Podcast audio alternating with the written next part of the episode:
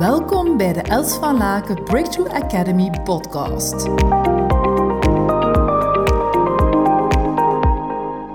Goedemorgen iedereen. Vandaag wil ik het hebben over de stempels die zo op ons worden geplakt. Die ken je waarschijnlijk wel. Hè? Dat jij stempels op jou krijgt, omdat je ook waarschijnlijk ook wel stempels op iemand anders plaatst. En wat dat je daar nu juist ook, ja, wat doe je daar nu mee hè? als je dan vervolgens die stempels op jou krijgt? Um, en dan vervolgens ontdekken wie ben ik? Ben ik dan die stempels? Wie ben ik dan eigenlijk?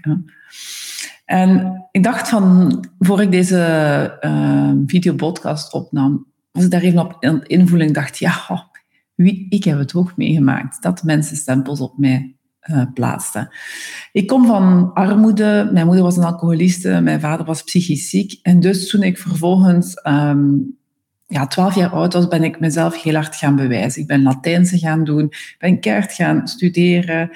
Um, en ik heb dan zelf ook universiteit betaald, Vlerik Management School. En ben dan ook bij de ja, grotere fast-moving consumer goods bedrijven gaan solliciteren met succes.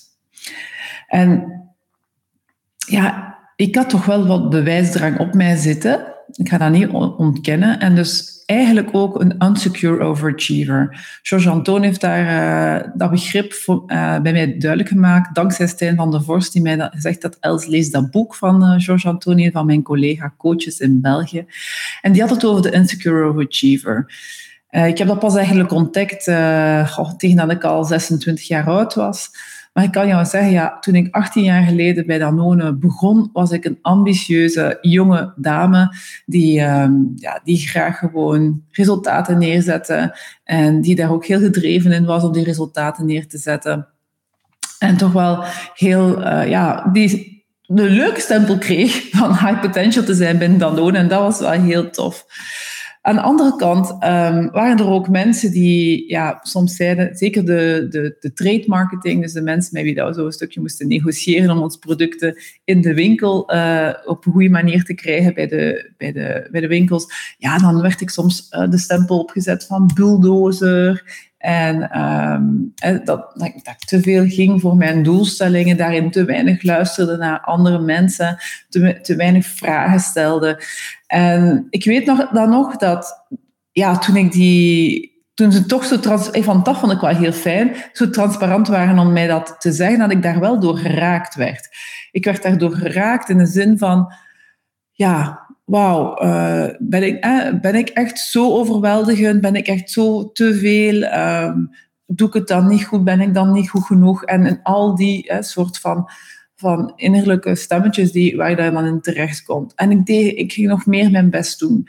Um, ik mocht dan ook uh, van de organisatie waar ik werkte opleidingen doen in communicatie. Ik kreeg daar ook coaching. Dus ik, ja, ik vond het fantastisch dat ik daar ook kon ontwikkelen. Dus dat altijd twee zijden. Ik herinner me nog heel goed aan de, uh, in de gesprekken, als mensen dan iets aanbrachten waar ik dan wat moest verbeteren, dan ik ja maar, ja maar, ja maar. En ik ging me eigenlijk heel veel gaan verdedigen.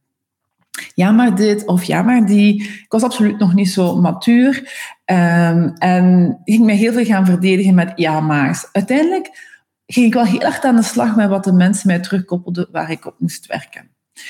Uh, en dat was altijd iets dat mijn uh, leidinggevende altijd super waardeerde. Van, hey, je gaat er dan ook vervolgens mee aan de slag. Je, voelt, hè, je toont eerst wat weerstand, maar dan vervolgens ga je mee aan de slag. Maar wat me daar zo in raakte, is... Uh, als ik daar nu ook terug bij stilsta, is dat ik daar toch echt niet goed van was toen ik die stempel kreeg als doeldozer. Hè. Later uh, heeft Alex Doreen van mijn uh, leidinggever dat zo mooi verwoord als het is een diamant die nog een beetje gepolijst moet worden. Dat vond ik al een veel mooiere beschrijving om dat ook binnen te nemen. Maar waarom was dat dan zo lastig? Hè? Want je kan ook zeggen, ja, goed, Elsie werd eigenlijk voor de rest gewaardeerd als high potential en je had dit punt, je communicatie, waar je op diende te, te werken. Maar wat me daar zo in raakte, is dat ik mocht eigenlijk nog heel veel opleidingen doen en, en heel veel daarop werkte. Ik bleef die stempel krijgen. En wie van jullie herkent dat ook? Dat je een stempel krijgt en dat je daar precies niet meer uitgeraakt uit dat gokje. Mensen blijven die stempel op jou drukken. Alsof jij zo bent en alsof je voor altijd zo zal blijven. Alsof dat daar geen, geen no way out is. Hè? Om, uh, om, om, om uit dat gokje te, te, gaan waar dat mensen jou hebben ingestoken. Wie van jullie herkent dat? Laat het ook even weten in de chat. Uh, ja, ik zie dat er ook hartjes binnenkomen. Dank jullie wel uh, daarvoor. Ja, dus op verschillende platformen. Dus dit is nu een reactie van op Facebook. Dus dat is superleuk om jullie reacties ook te zien. Dus deel het ook gerust met andere mensen. Zo kunnen we gewoon nog veel meer mensen helpen met onze boodschappen. Um, dus uh, aarzel zeker niet ook om deze video of podcast te delen. Dus wat raakte mij nu zo, is dat ik ongeacht wat ik deed, ik deze stempel bleef krijgen. En dat deed echt wel heel veel pijn. En nu besef ik dat dat heel veel pijn deed, omdat ik zelf nog te weinig in mijn eigen zelfwaardering stond. Dat ik eigenlijk heel hard afhankelijk was van wat de andere mensen van mij vonden. Ik noem dat de appreciation hunter. Dat is degene die gaat gaan hunten achter appreciation van andere mensen. Zie mij, zie mij, hoor mij, hoor mij, zie mij. Zie mij in, mijn, in wie ik ben, zie mij in wat ik doe, dan kan ik tegen mezelf zeggen dat ik oké ben. En doordat ik dus zo naar de andere, ja, zo die bevestiging aan het zoeken was, extern van mezelf, ja, werd ik daar dan toch wel door geraakt dat ongeacht, en dat is wel een interessante, ongeacht hoeveel moeite ik deed, dus ongeacht hoeveel moeite jij doet, dat je dan toch die erkenning niet krijgt. Hoeveel van jullie erkennen dat? Hè? Dat jullie toch jullie best doen om dan toch weer die bevestiging te mogen ontvangen en op, op, op dat stuk echt ontwikkelen. En mensen blijven dan toch nog zeggen, oh, bijvoorbeeld, je bent te, uh, je bent te aanwezig, of je bent te enthousiast, of je zegt je mening niet voldoende, je, je bent te stil, je bent te dit, je bent te dat. En dat je daar precies niet uit geraakt. Ja? Dus dat is een belangrijke. Wie bepaalt of je uit die stempel geraakt of niet? Hè? Is dat inderdaad de ander? Of kunnen we dat zelf bepalen? Ja, ik ben communicatief sterk en ik kan ook heel rustig zijn. En, en dankzij die terugkoppelingen heb ik daarop kunnen werken.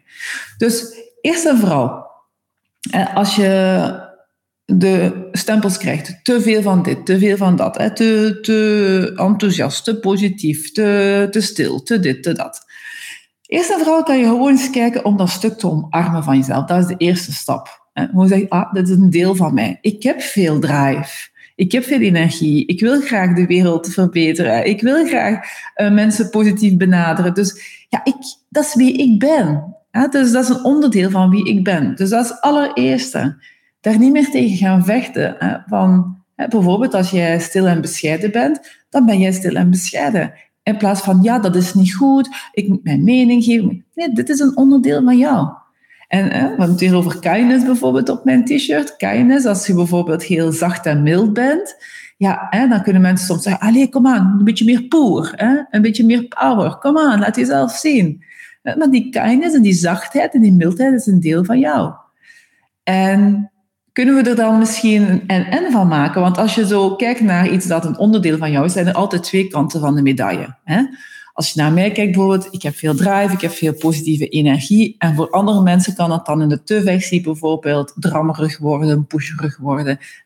Als je bescheidenheid of rustig stil zijn of pak nu zachtheid als, dan zouden mensen kunnen zeggen, ja, zeg maar iets, uh, die is aan de andere kant te zwak, bijvoorbeeld. Dus er zijn altijd twee kanten uh, om daarnaar te kijken. Ja? Dus als ik dan voor mezelf kijk, de tweede stap dat je kan, de eerste stap is dat omarmen dat je die, hè, dat, je die, dat dat deel een deel van jou is, van jouw persoonlijkheid, in plaats van daar tegen te vechten. Ja, ik heb veel drive. Ja, ik heb veel positieve energie. En ja, ik ga dat de wereld inzetten, in plaats van mij daar weer in klein te houden. Ik herinner mij nog dat ik die terugkoppeling ook kreeg toen ik uh, in de wereld van coaching ging. Toen ik dan mijn coachingoefeningen deed in mijn certificatieprogramma's, dan uh, zeiden mensen, oh, je bent zo rustig. Oh, dat is zo heerlijk dat jij zo rustig bent.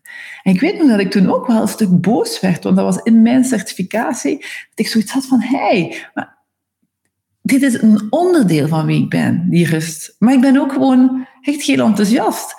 En het is beide. Het mag er allebei zijn. Ja? Dus Eén is het omarmen van dat onderdeel van jou. Ten tweede kan je luisteren naar de feedforward of de feedback of misschien soms kritiek dat je krijgt. En kan je ook zeggen van, hmm, wat van die stempel wil ik laten evolueren? Hè? Uh, voor mij bijvoorbeeld dacht ik, ja, het is wel zeker een van toegevoegde waarde om die, om die communicatie te evolueren, om, om die hè, positiever bijvoorbeeld ook zaken te kunnen verwoorden. Dus dan kan je gaan kijken van, oké, ehm, waar wil ik nu op groeien en op welk stukje van dat stuk wil ik eigenlijk evolueren? Ja, dus dat is dan het tweede. Maak gewoon een keuze. Hè? Als je bijvoorbeeld communicatie kijkt, ja, daar, daar geef ik nu uh, met Yes to Trust vijf dagen op. Of soms ook drie, dagen, drie tot vijf dagen opleiding op. Dus er zijn heel veel aspecten rond communicatie. Dus wat heb ik gedaan toen? Ik ben als eerste gaan kijken, oké, ik ga mij focussen in de eerste plaats op actief luisteren. En dus dan teken ik overal oortjes op. Als mijn leidinggevenden van vroeger naar deze video kijken, zullen ze dat heel goed herinneren. Uh, want bijvoorbeeld, een van mijn leidinggevenden, die deed dan zo bijvoorbeeld, als hij toch opmerkte dat ik niet voldoende aan het luisteren was. En zo kan je juist heel hard groeien, omdat je geïsoleerd op iets gaat gaan werken waar je op wilt groeien. En dan ten derde, heb je het eigenlijk ook al gehoord, een stukje Punt 2 is, wat kan jou vervolgens helpen? Heb jij een coach nodig, een mentor nodig, een training nodig, een boek, uh, YouTube-filmpjes? Het kan van alles zijn die jou kan ondersteunen in die groei. Ik zeg altijd, laat je begeleiden door de experten. Dat heb ik ook altijd gedaan. Ik heb ondertussen al bijna 250.000 euro aan opleiding over de hele wereld uh, ja, uitgeven geïnvesteerd. En ik vind dat fijn om van de beste te leren. De mensen die een paar stappen voorop mij zijn. En dus ook voor jou. Het kan ons zijn, het kan ook andere mensen zijn die een paar stappen voorop jou zijn. En dat je zegt, ah, van die mensen wil ik leren. Dus dat zijn eigenlijk de drie stappen om uit die stempelgevoel te, te, uh, te stappen en helemaal gewoon daarin jezelf te zijn. Ja, ik ben de enthousiaste Els en ja, ik kan ook heel rustig zijn. En het is allebei een onderdeel van mij bijvoorbeeld. Dus benieuwd wat deze, uh, deze inspiratie met jou doet. Ik wens jou een geweldige dag toe. En uh, ik hoor heel graag van jou, dus laat gerust altijd even een berichtje achter, een comment achter. Deel uh, gerust deze inspiratie met andere mensen. En uh, ik kijk er alvast naar uit om jou de volgende keer weer te mogen inspireren. Tot heel gauw. Dag. Ontzettend dankbaar voor je aanwezigheid. Verspreid samen met mij deze positieve energie en tips. Deel deze podcast op je social media wil je graag persoonlijk contact? Mail me op hello@elsvalaken.com. We beantwoorden elke mail. Tot hou!